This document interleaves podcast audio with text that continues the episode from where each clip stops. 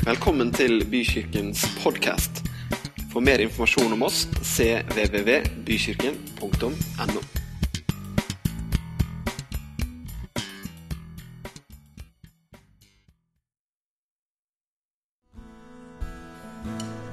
Takker deg, Gud, fordi at i deg så finner hvert knuste hjerte nytt håp. Takker deg, Gud, for at i deg, Herre, så ser vi nytt håp, vi ser nye muligheter, og vi ser en framtid sammen med deg. Takk at vi kan få komme denne dagen framfor din trone, tilbe deg, prise deg, høre ditt ord og kjenne at livet fra deg, det er i oss. Amen. Amen. Takk skal dere ha.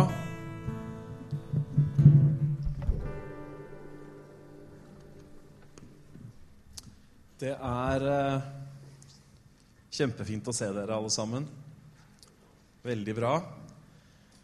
Jeg eh, sto og tenkte på noe, og så bar ut Karin akkurat det. Og så tenkte jeg ja, men det var fint. Jeg kan si det allikevel. Eh, Når hun ba, så sa hun hun, hun takka Gud for hver enkelt. Ofte så er vi liksom litt sånn eh, gruppeorientert, og det er de, og det er de, og det er de. Og så eh, snakker man om menigheten eller kirken osv. Men du vet, det er jo det er jo alle oss. Det er jo deg. Akkurat sånn som du er. Så sto jeg her eh, mens vi sang, og så, sånn, så kjente jeg på en sånn der takknemlighet over å få stå her. Ikke her eh, i betydningen av denne plattformen, men her i dette fellesskapet. Så liksom skanna jeg bare litt sånn tilbake bare noen minutter før gudstjeneste, og så tenkte jeg på alle de menneskene som jeg hadde kjent en takknemlighet over å se, over å stå sammen med. For det er sånn når vi kommer sammen, så er det ikke bare én som har en rolle, men vi kommer sammen. Og så gjør det noe med oss, det å komme sammen. Derfor er det bra å komme til gudstjeneste. Ikke sant? Ja, Det syns du, ellers hadde du mest sannsynligvis ikke vært her.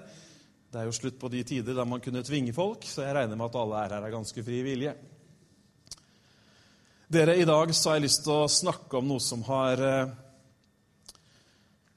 ja, alt, Jeg snakker jo nesten alltid om noe som har ligget meg på hjertet, men noen ganger så har det liksom eh, surra rundt i meg flere Der står det allerede, vet du.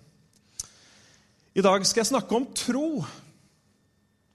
Og jeg vet at eh, det bringer en hel masse tanker og assosiasjoner med en gang jeg nevner det begrepet. Men hvis du bare lar de ligge lite grann, og hører på det jeg har å si, så tror jeg at det blir til velsignelse for deg. Vi bruker jo begrepet tro og troende på utrolig mange måter. Har du tenkt på det? Vi sier at vi tror noe, og så er vi litt usikre på hvordan noe egentlig kommer til å gå. For så håper jo jeg da at jeg blir omtalt som en troende mann. Det hadde vært takknemlig om pastoren kunne få en liten bekreftelse at det var, det var i den kategorien jeg var liksom plassert. Han er troende, han der pastoren vår. Ja. Bekjenner at han eh, tror på Jesus Kristus og Ja, det er bra. Ja, det er veldig bra. Tusen takk. Nå var jeg veldig i tvil en liten stund. Altså ikke jeg, men jeg var i tvil om dere. Og i det ene øyeblikket, da, når vi snakker om en person, at den er troende, så pakker vi det nesten inn med en sånn fromhet og salighet. Ja, hun er en troende. Ikke sant? I neste øyeblikk så sier vi han der må du passe deg for. Han er troende til hva som helst. Altså Jeg bare prøver liksom å, å si det at begrepet tro og troende det er en sånn salig røre noen ganger. Og det verste er at det av og til også preger tro. Bibelsk tro. Tro på Gud når vi blander disse begrepene inn. Men da skjønner du litt grann, eh, tegninga av hva jeg har lyst til å snakke nå om. Er du med på det her? Blir du med noen minutter videre? Fikk et vel, velbegrunnet forslag i stad om å prøve å gjøre prekenen noe kortere grunnet været ute. Jeg skal se hva om vi kan lande på det. Ikke si hvem det var som foreslo det, altså, men det var et veldig godt forslag. Men eh, som jeg sa, vi kutter litt ned på lovsangen, da. Nei da. Men du skjønner, det er nemlig sånn at eh, tro er kanskje det aller mest sentrale begrepet i hele Bibelen. Historiene, eller altså bibelversene, de er mange. Historiene er mange. Personlighetene og situasjonene, de er veldig mange hvor tro er med. Og felles for dem alle er at de dreier seg om det å leve livet med Gud midt oppi alt det som møter oss eller skjer eller ikke skjer. Alle de der heltene som vi ser tilbake, og historiene som vi terper på flanellograf og video og you name it fra barna er små, det er alle historier om mennesker som har gjort noe på grunn av tro, eller ved tro, eller i tro. Det var jo i tro at Noah bygde arken. Har du tenkt på det? Det var, jo, det, var jo, det var jo det at han trodde Gud, som gjorde at han i det hele tatt satte i gang. Det var tro som fikk Daniel til å lyde Gud mer enn mennesker og havne i løvehulen. Det var tro som fikk David til å stille seg fram framfor Goliat og vinne en vanvittig seier. Historiene er mange ved tro, i tro, gjennom tro osv. osv. Og som sagt, dette er gjennomgående i hele Bibelen. Tro Og jeg skal komme tilbake til hva tro er. Tro er den sterkeste kraften i hele universet. Det betyr, siden det er hele universet, så betyr det også at du og jeg er inkludert. Det finnes ingen kraft som er sterkere enn tro. For hva er egentlig tro? Jo, tro er det feltet, det området eller det elementet, om du vil, hvor vi som mennesker kobles med Guds overnaturlige kraft. Derfor så er tro viktig. For vi trenger nemlig den overnaturlige kraften Uten tro så kan jo ikke vi gjøre det som Gud har ment at vi skal gjøre. Kunne Noah ha bygd arken uten tro? Han kunne mest sannsynligvis ikke ha gjort det. Han måtte ha noe som var større enn seg sjøl, noe som ga han kraft til å holde ut spott og hån og alt det han møtte. Uten tro så kan ikke vi egentlig nærme oss Gud, og uten tro så er det umulig å gjøre det som Gud vil at vi skal gjøre. Vi trenger noe som går utover vårt naturlige menneske. Vi trenger en kraft til å få det til. Vet ikke åssen det er med deg, men jeg har mange ganger følt at dette får jeg ikke til. Noen som kjenner seg igjen? Det være seg det ene eller det andre. Ja, vi trenger nemlig tro. Ved troen på Jesus så er vi nye skapninger. Ved tro så tar vi imot kraft fra Gud. Hm. Hvorfor er tro så viktig? Hvorfor er tro så viktig? Kan ikke vi bare ha våre meninger og tro det vi synes høres greit ut? Ja, men det høres jo omtrent ut som du beskriver akkurat sånn som det er. Jeg mener virkelig av hele mitt hjerte at dette har veldig stor betydning for mitt liv og for ditt liv å finne ut hva tro egentlig dreier seg om. Jeg tror nemlig at det er behov for å rydde opp litt i forståelsen av hva tro er, og forståelsen av hvordan troen fungerer, ikke minst for den troende. Tror du at du henger med så langt? Ja, det er bra. Du skjønner, Troen den er ikke en, en læresetning et dogme, noe som vi bare liksom gir vår tilslutning til som et eller annet politisk partiprogram. Det er ikke tro. Mange lever som om det var tro. Man har, pugget katekismen, og man kan de ti bud, og man kan sitere Johannes 3, 16. Det er ikke tro. Det er visse uttrykk for troet. Tro er heller ikke en handling som vi gjør ved visse høytider. Tro, dere, det er nemlig noe som er totalt grunnleggende. Noe som er helt livsnødvendig for deg og meg som kaller seg troende. Nå vet ikke jeg hva slags liksom, eh, kristenreferansebagasje du har. Men mange har en bagasje som gjør at tro har blitt en byrde. Tro har blitt noe man skal gjøre. Tro er noe man ikke har nok av. Tro er noe man skulle gjøre mye sterkere. Noen som kjenner seg igjen i noen av de eh, forståelsene der? Ja, det var mange som nikka her. Og jeg skal snakke om akkurat det om lite grann. Vi skal lese et bibelvers, og det er Paulus brev til romerne, kapittel 1. For jeg skammer meg ikke over evangeliet. Det er en Guds kraft til frelse for hver den som tror. Jøde først, og så greker. For i det, altså i evangeliet, åpenbares Guds rettferdighet av tro til tro. Slik det står skrevet, den rettferdige skal leve ved tro.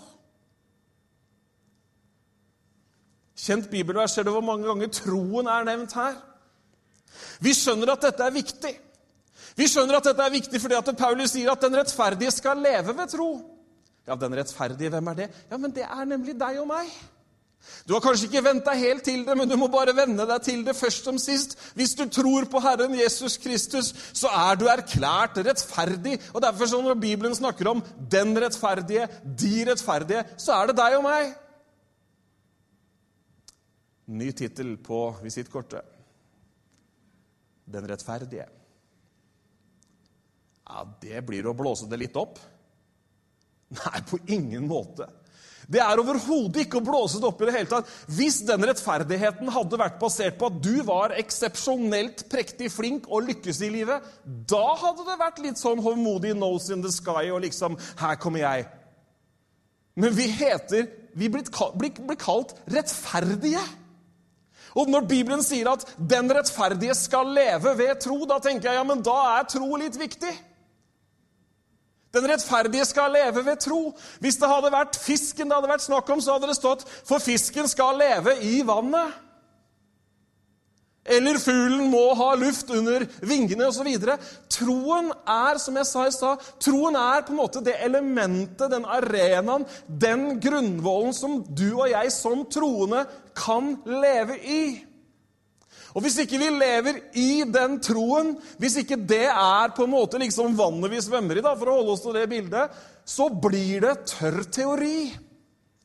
Da har vi kunnskap, og vi kan sitere, og vi vet noe om den ene og den andre strukturen, men det gir ikke noe liv. Og Gud, han vil at vi skal leve. Den rettferdige skal leve ved tro. Den rettferdige skal leve av tro. Dette kan vi snakke mye om, og vi skal ikke gjøre det, eh, ta, gjøre det til det fulle i dag. Men du skjønner at når vi ser det at vi er rettferdige Ja, vi tar resten en annen gang. Paulus sier at han skammer seg ikke. Paulus visste at når han sa dette han sa nå, så ville han få umiddelbar kritikk. Det var så imot gresk tankegang, logikk og forståelse at et så enkelt budskap om Jesus Kristus kunne ha kraft i seg. Men i alle fall så sier han det først som sist. Jeg skammer meg ikke over evangeliet. Men så snakker han ikke bare om evangeliet, han snakker om kraften i evangeliet. Kraften i evangeliet. Altså for den som tror. Altså det å være i tro, for å si det på denne måten, det gjør at det er en kraft som oppleves, erfares og blir en del av livet. Hm. Fikk du med deg den? Evangeliet er kraftig for hvem? For den som tror.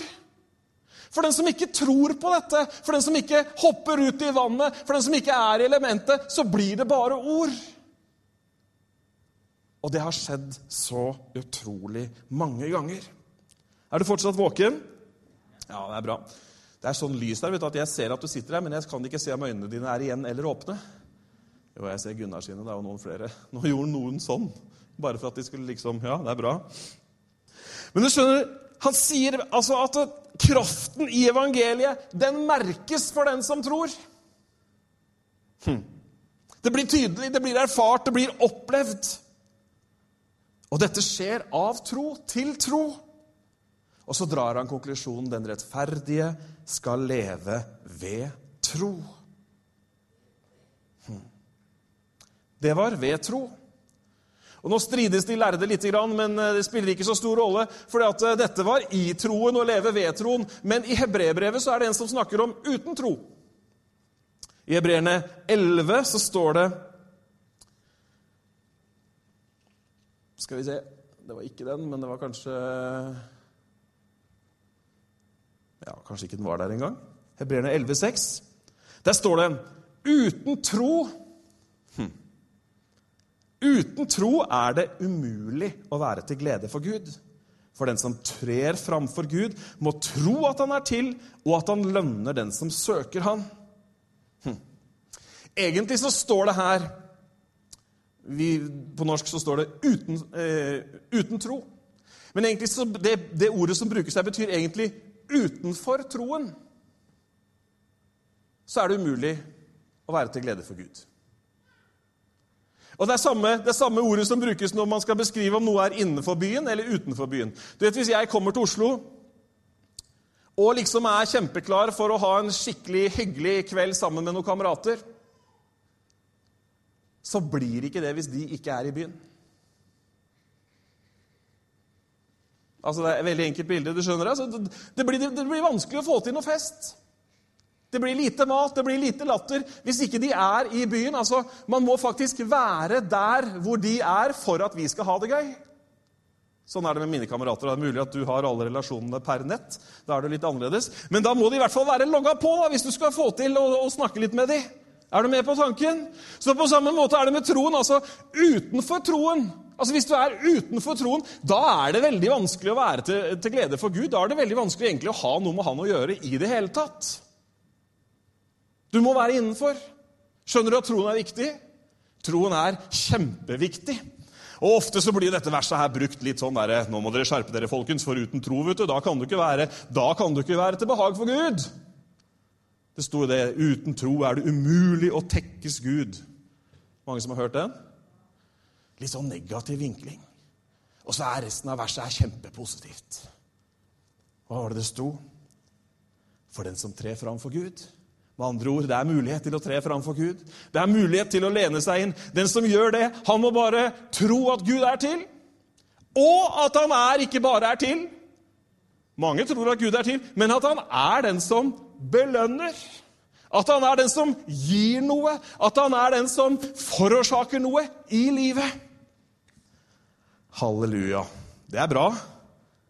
Så med andre ord, med tro er det mulig å være til glede for Gud. Men hva er egentlig tro? Jeg spør ikke hvordan troen har sitt uttrykk, men hva er egentlig tro? Du sier at du er en troende. Jeg har jo allerede bekjent for dere at jeg er en troende. Men hva er egentlig tro? Eller hva er det å tro? Ordet, brukes, ord har mange betydninger som alle ligner veldig på hverandre. Det brukes mange forskjellige ord, men det dreier seg om en tillit som man har til noen. Det dreier seg om troverdighet, det dreier seg om pålitelighet. Og Hvis man skal prøve å koke det litt ned, så dreier det seg om en sånn tillitsfull innstilling overfor Gud. En tillitsfull innstilling. Altså, Hva er en tillitsfull innstilling? Det er en innstilling, det er en holdning hvor du tenker at han kan jeg stole på. Han er god. Han hjelper meg, osv., osv. Er du med på tanken? Det er tro. Å ja, men jeg trodde det var en hel masse ting man skulle gjøre før man kunne si man hadde tro. Nei, tro, dere! Det er å møte Gud, for å si det på en annen måte, med et åpent ansikt, et åpent hjerte og med en grunnholdning som sier at 'Jeg, jeg regner med deg, jeg stoler på deg'. Så hvis jeg spør spørsmålet nå om du er en troende, så tror jeg mange ville si ja. Men så mange ganger hvis du spør om du er en troende, så tenker folk umiddelbart på livsførselen sin, historikken sin, bagasjen sin osv. osv. Og så fører det til en sånn fordømmelse. Er du med på tanken? Nei, jeg har ikke så, har ikke så stor tro, jeg, vet du. Eller som man sa til hverandre på 80- og 90-tallet, du må stå i tro, vet du. Hvilken kroppsdel skal jeg ta meg sammen på nå? Hvilket område av livet skal jeg redefinere når jeg står i tro? Vi har gjort det til noe vanskelig, og vi har gjort det til noe som ekskluderer. Nei, tro er en tillitsfull innstilling til en levende Gud. Herlig! Det er så herlig, og det er så viktig, og det er så bra. Tro er ikke en sånn bare så det er sagt, det er ikke en sånn passiv holdning til livet. Ki sura sura, det som skjer, det skjer. Whatever will be, will be. Nei, tro er at man med sin med sitt liv, med sin eksistens, setter seg i en posisjon eller lener seg mot, inntar en holdning Gud, han er til. Gud, han vil lønne meg når jeg søker han. Det er gode nyheter. Og det er herlig å dele begeistringen med forsamlingen. Nei, nei, nei, det er ikke noe tvang, men det er herlig å si amen. vet Du Du kjenner at du lever og liksom er med på samme reisa og sånn. Det er kjempefint. Ikke sånn passivt skjebnetro.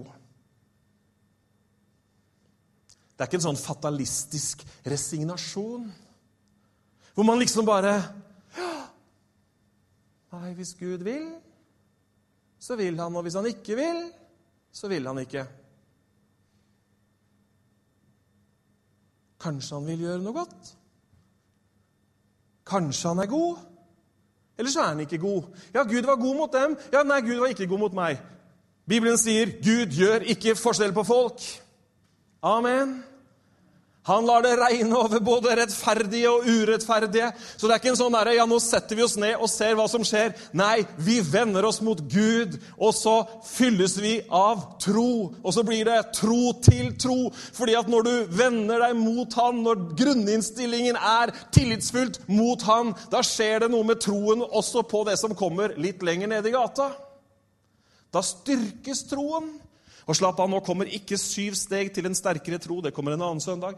Men, For det er ting man kan gjøre for å styrke troen, men det er ikke det som er poenget. Poenget er at den rettferdige skal leve ved tro. Du skal leve ved tro. Det er det vannet du skal bade i. Det er det elementet du skal være i. Tro. Jeg er en troende. Og det påvirker ikke bare søndagen min eller onsdagen i life-gruppa. Det påvirker hver bidige dag, for jeg er en troende. Og om noen måtte bruke det som et skjellsord, så sier jeg tusen takk, og si det gjerne en gang til, for jeg vil gjerne kalles en troende. Jeg vil gjerne bli omtalt som en mann full av tro.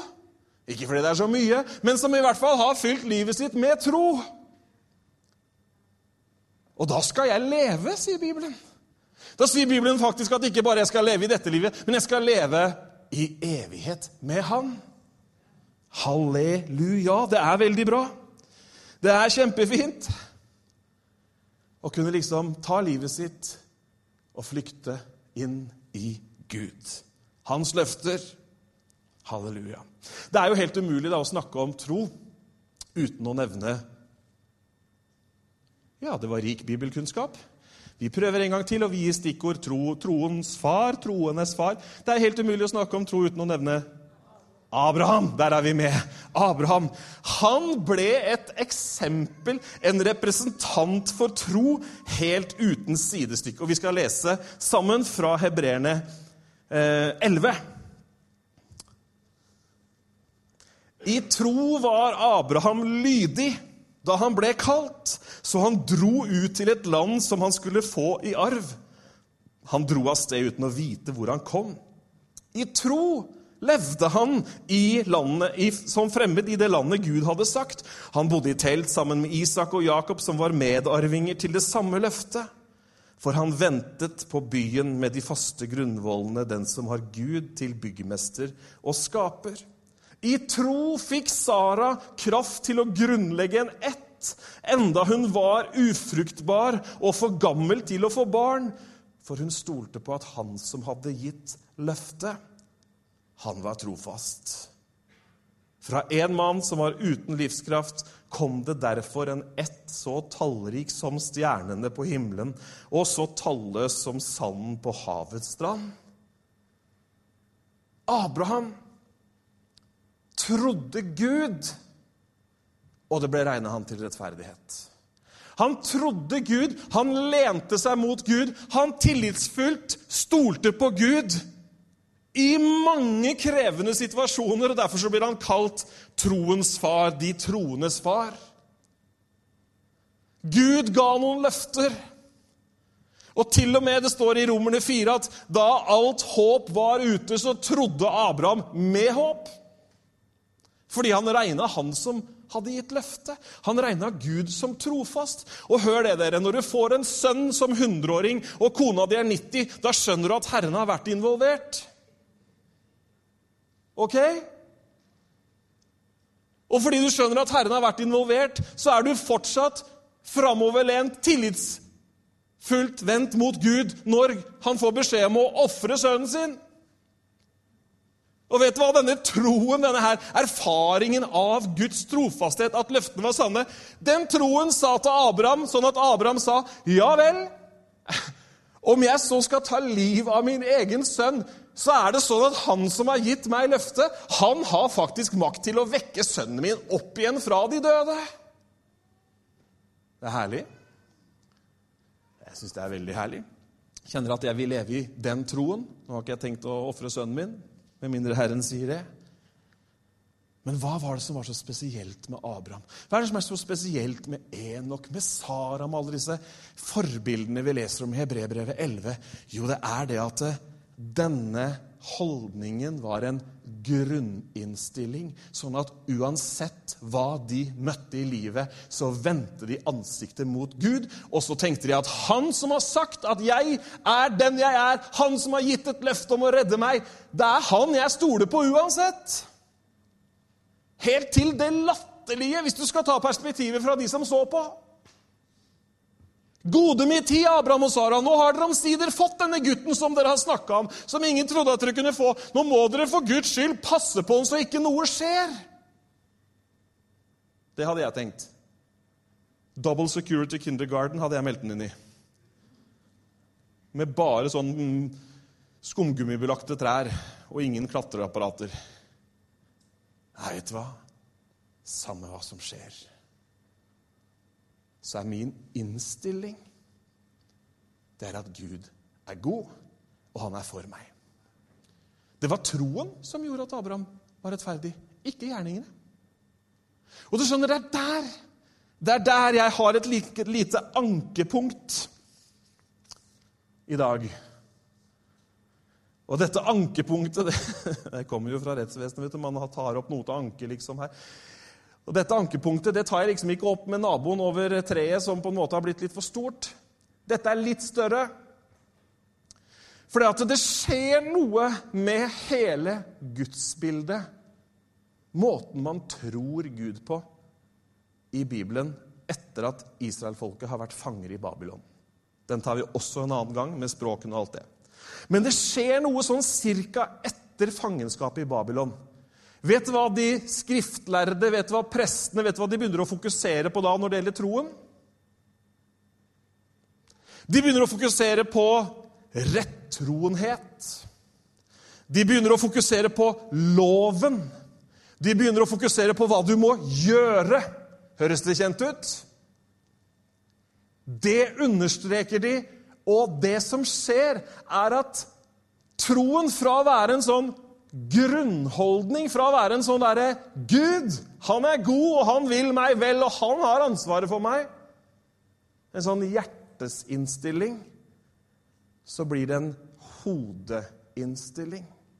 Det blir intellektet. Det blir den menneskelige tanken, og derav også gjerninger dette må man gjøre for at Gud skal se positivt på meg. Er du med på tanken? Og dette ankepunktet det tar jeg opp fordi at det ser jeg i 2017 også. At det er akkurat det samme som sniker seg inn blant veldig mange. Selv om Jesus sa det, selv om Paulus understreka det og sa 'døm ikke, så ikke dere selv skal bli dømt', så er det en sånn fordømmende holdning mot mange mennesker rundt oss. Og vi slår oss på brystet, og vi er rettroende, og vi vet jo best. Men vet du hva rettroenhet leder til? Det leder til død. Loviskhet at bokstaven er det som teller, at det er hodet og resonnementet som skal være retningsgivende, det gir ikke liv i det hele tatt. Hm. Og hva skjer videre? Jo, siden tro nå ikke bare var grunninnstillingen full av tillit, så blir tro Det blir liksom en dyd på lik linje med andre gode gjerninger. På lik linje med barmhjertighet og andre fine ting som man kan gjøre. Så istedenfor å være en totalholdning, innstilling overfor Gud, så ble troen redusert til en lovgjerning. Henger du med? Noe jeg skal prestere, noe jeg må gjøre for å få en belønning. Hm. Og det er jo en gigantisk feiltagelse. Troen blir redusert til noe intellektuelt som man må forklare med menneskelige ord. Og så kommer den snikende, den som jeg akkurat nevnte. Den loviske rettroheten. Hm.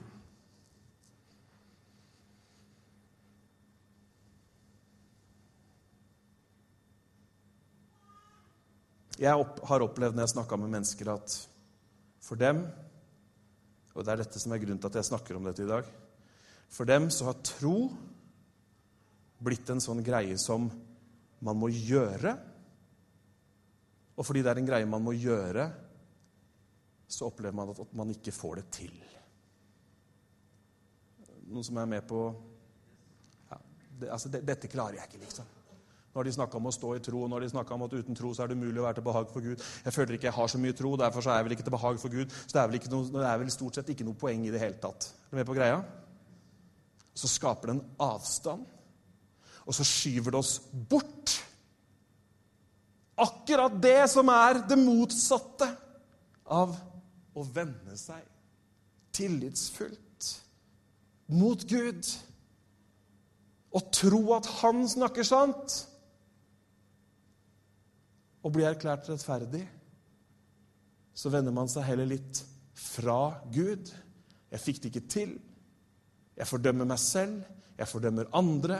Det er pekefinger, det er lover, det er bud, det er regler.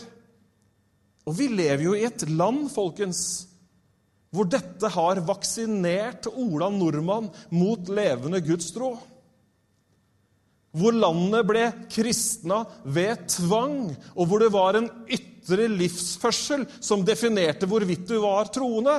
Det er ingen ytre livsførsel som definerer om du er en troende eller ikke. Du kan se uh, rufsete ut, du kan lukte vondt, og du kan se ut som ikke du har lykkes på et eneste område i livet, og likevel være en troende. For du blir ikke godtatt av Gud, du blir ikke rettferdiggjort av Gud fordi du har fått til noe spesielt. Men du blir det når du venner deg til Han og tror at det Han sier, er sant. Det er herlig. Men det er trist at så mange Du kan nevne kristen tro, du kan nevne at du er en troende, og så har de et helt sånt akkurat som du ser en sånn rulletekst begynner å gå i sånn alle mulige oppfatninger av hvordan vi er, og hva som ikke er lov. og Ja, dere kan vel ikke gjøre sånn, og du som er tro. Og jeg lurer på mange ganger jeg har hørt den der, når jeg snakker med folk. Ja, nei, du som er sånn, du kan vel ikke det? Det har folk fått med seg. Ikke bare de ikke-troende, men noen av de som kaller seg troende også. Men altså, de er, de, de er sånne som du skal passe deg for, som er troende til alt. Ikke sånn som jeg snakka om først. Bare vær troende. ok? Sånne folk er troende til alt. Vi skal gå inn for landing sånn at påskesolen kan gjøre sitt. Men kjære deg, og dette er et hjertesukk Du som strever og prøver å basere eller prøver selv å produsere en tro som handler om hva du får til, hva du har gjort, og hva du ikke har gjort, ikke minst. Jeg preker til deg i dag. Jeg snakker til deg. Og så sier jeg at det er ikke tro. Skal jeg si det en gang til? Det selvstrevet, det du prøver å få til, det du prøver å ta deg sammen til å bli, det er ikke tro. Det er ikke den troen du kan overleve som en kristen på. Den troen som Gud vil ha. Det er den troen hvor man, full av sine tilkortkommenheter og mangler, i tillit tror at det han har sagt, er sant. Og så er det der troslivet starter. Ikke etter at du har levert eksamensoppgaven, ikke etter at du har gjort alt det som var så utrolig bra.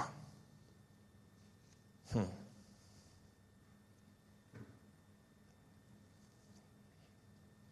Får du noe ut av det? Så bra. En troende, du, vet du. Mm. Jeg snakka litt om Gamle testamentet, men i Det nye testamentet så er det egentlig ikke noen stor forskjell. Tro dreier seg om ditt eller mitt ja til Gud, Hans ord, og sånn som vi møter Gud gjennom Jesus Kristus. Kan du si ja til at Guds ord er sant? Tror du på Jesus Kristus som Guds sønn? Tror du at Gud oppreiste han fra de døde, og at han sitter ved Faderens høyre hånd nå? Tror du at løftene som står i denne boka, er til deg og er sanne? Ja, du er en troende, vet du. Er ikke bra? Du er en troende, vet du. Her har jo hele grunnlaget. Og dere, fra det utgangspunktet så kan man oppleve det livet som Gud ønsker at vi som troende skal ha. Utgangspunktet til Abraham var at han svarte ja på det som du akkurat har svart ja på. Fortsettelsen til Abraham var at han tok fram den grunnholdningen når alle mulige ting møtte han.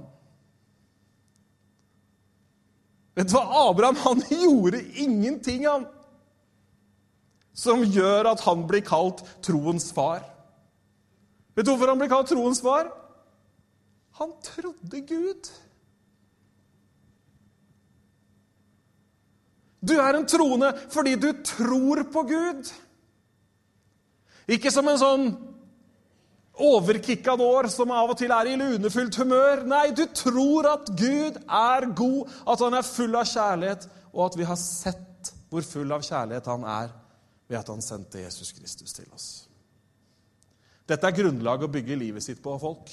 Folkens, Jeg skal ta et bibelvers til slutt. Man kan jo ikke preke om tro uten å ta med trosbibelverset fremfor noe. Hvem snakker jeg om da? Jeg snakker selvfølgelig om hebreerne 11.1. Tror vi får det på veggen også. Troen Dette er 2011-oversettelsen. Den finnes jo i mange versjoner. Men der står det troen er et pant på det vi håper. Et bevis for det vi ikke ser. Hm. Istedenfor pant så kunne det stått troen er en grunnvoll. Troen er essensen. Troen er substansen. På engelsk som det står 'Now faith is the substance of things hoped for'. Hmm. Det var én ting som gjorde at Abraham kunne leve det livet han gjorde. Det var en ting som gjorde at Noah kunne bygge den båten han gjorde. Det var en ting som gjorde at disse trosheltene fullførte løpet sitt. Og det var at denne troen den ble ikke bare en flaky greie som dukka opp ved hver høytid. Nei, troen var en essens. Det var et grunnlag. Det var noe de sto på når de ulike tingene kom mot dem. Og derfor så ble de stående. Og det står om utgangen av livet deres at de døde i troen på det som skulle komme. Skjønner vi hvor sterk troen er? Det er viktig. Utrolig viktig. La oss reise oss opp, og så skal vi be sammen til slutt. Jeg vet ikke hvor du føler at du er hen i, i troen. Om du kjenner at du er eh, sterk og har litt sånn supertro og liksom sier til utfordringene 'Bring it on. Come on'. Dette fikser vi. Eller om du kanskje tenker at 'nei, men tro har jeg lite av eller ingenting av', eller den kjenner jeg at er svak. Svak tro er et veldig godt utgangspunkt fordi det er tro. Sterk tro er også et godt utgangspunkt. Men det er ikke styrken som er avgjørende. Det er at du har troen.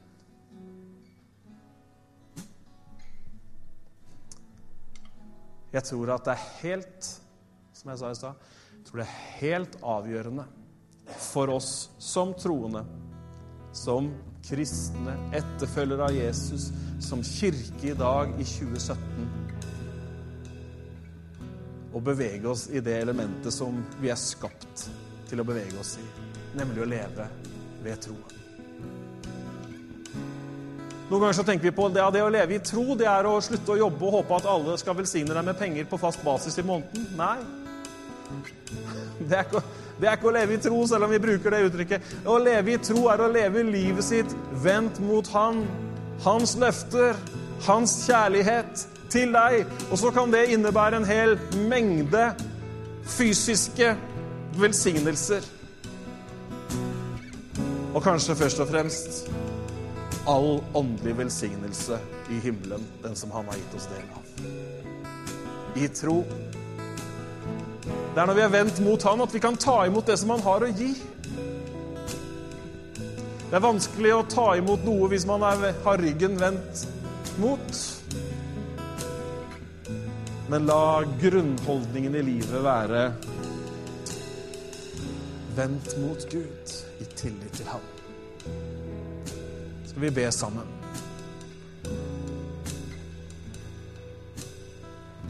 Herre, takk at du har gitt oss et mål av tro. Takk at du har ført oss inn i fellesskap ved deg, Herre. Ved troen på Jesus så er vi ført inn i familien. Vi er kobla på, vi er regna med, vi er innafor. Og det er der du vil at vi skal leve. Ikke utafor eller på avstand, men det er der du vil at vi skal være. I troen, så vi kan glede oss sammen med deg, så vi kan være til glede for deg, og så vi kan oppleve at du Du leder oss, og du passer på oss, og du sørger for oss. Takk, Herre, for dette perspektivet over våre liv. Takk for rettferdighetens sol, Herre, som lyser opp mørket. Ber om at du velsigner hver eneste en, Herre. Takker deg for at du hjelper oss til å legge bort alt det vi trodde vi måtte gjøre for å tilfredsstille deg, og heller bare vender oss mot deg.